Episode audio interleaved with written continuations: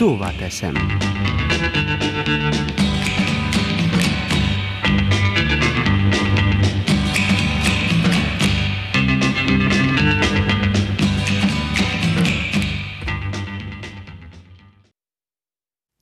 Jó napot kívánok a tisztelt hallgatóknak, és békés, nyugalmas emlékezést szeretteinkre, ismerőseinkre, akik már nincsenek közöttünk.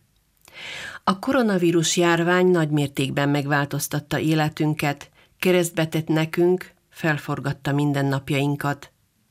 Az egész világ egy nagy káosz. Győzzön meg valaki arról, hogy ez nem a harmadik világháború. Emlékszem, gyermekkoromban többször hallottam az idősebbektől, hogy a következő világháborút már nem fegyverrel vívják meg. Nagyon remélem, hogy nem tart négy évig, mert már ez a néhány hónap is igen fárasztó volt. A vírus miatti bizonytalanság, a félelem, a korlátozások, az intézkedések nem csak a kívülről is látható világunkra hatnak ki nagy mértékben, hanem az emberek lelki világára, a pszichéjére is. Láthatatlansága és halhatatlansága miatt, illetve ennek ellenére felér egy légi bombázással. Rémisztő sétálni a korlátozások miatti kihalt utcákon, maszkosan.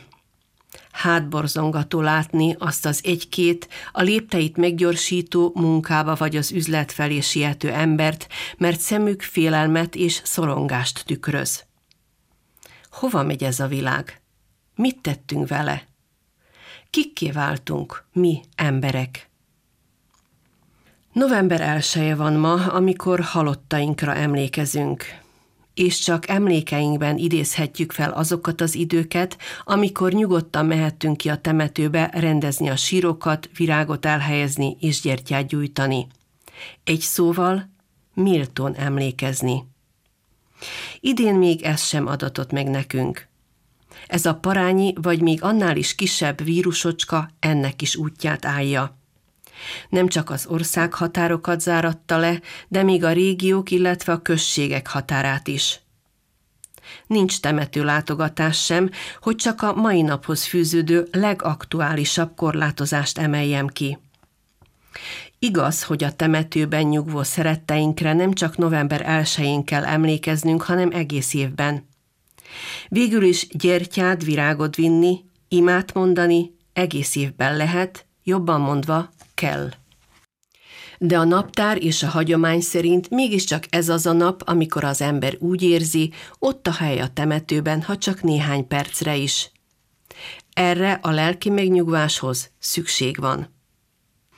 A koronavírus több mint egy millió ember áldozatot követelt a világon.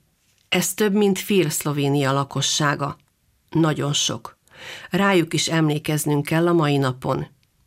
És vajon még hány ember hal meg a SARS-CoV-2 vírus okozta szövődmények következtében? Mikor lesz már vége ennek a háborúnak? Meddig kell még otthon maradnunk? Mert ha csak lehet, maradjunk otthon, hiszen az epidemiológiai szakemberek véleménye szerint a koronavírus járvány alagútjának végén a fény még nem látszik.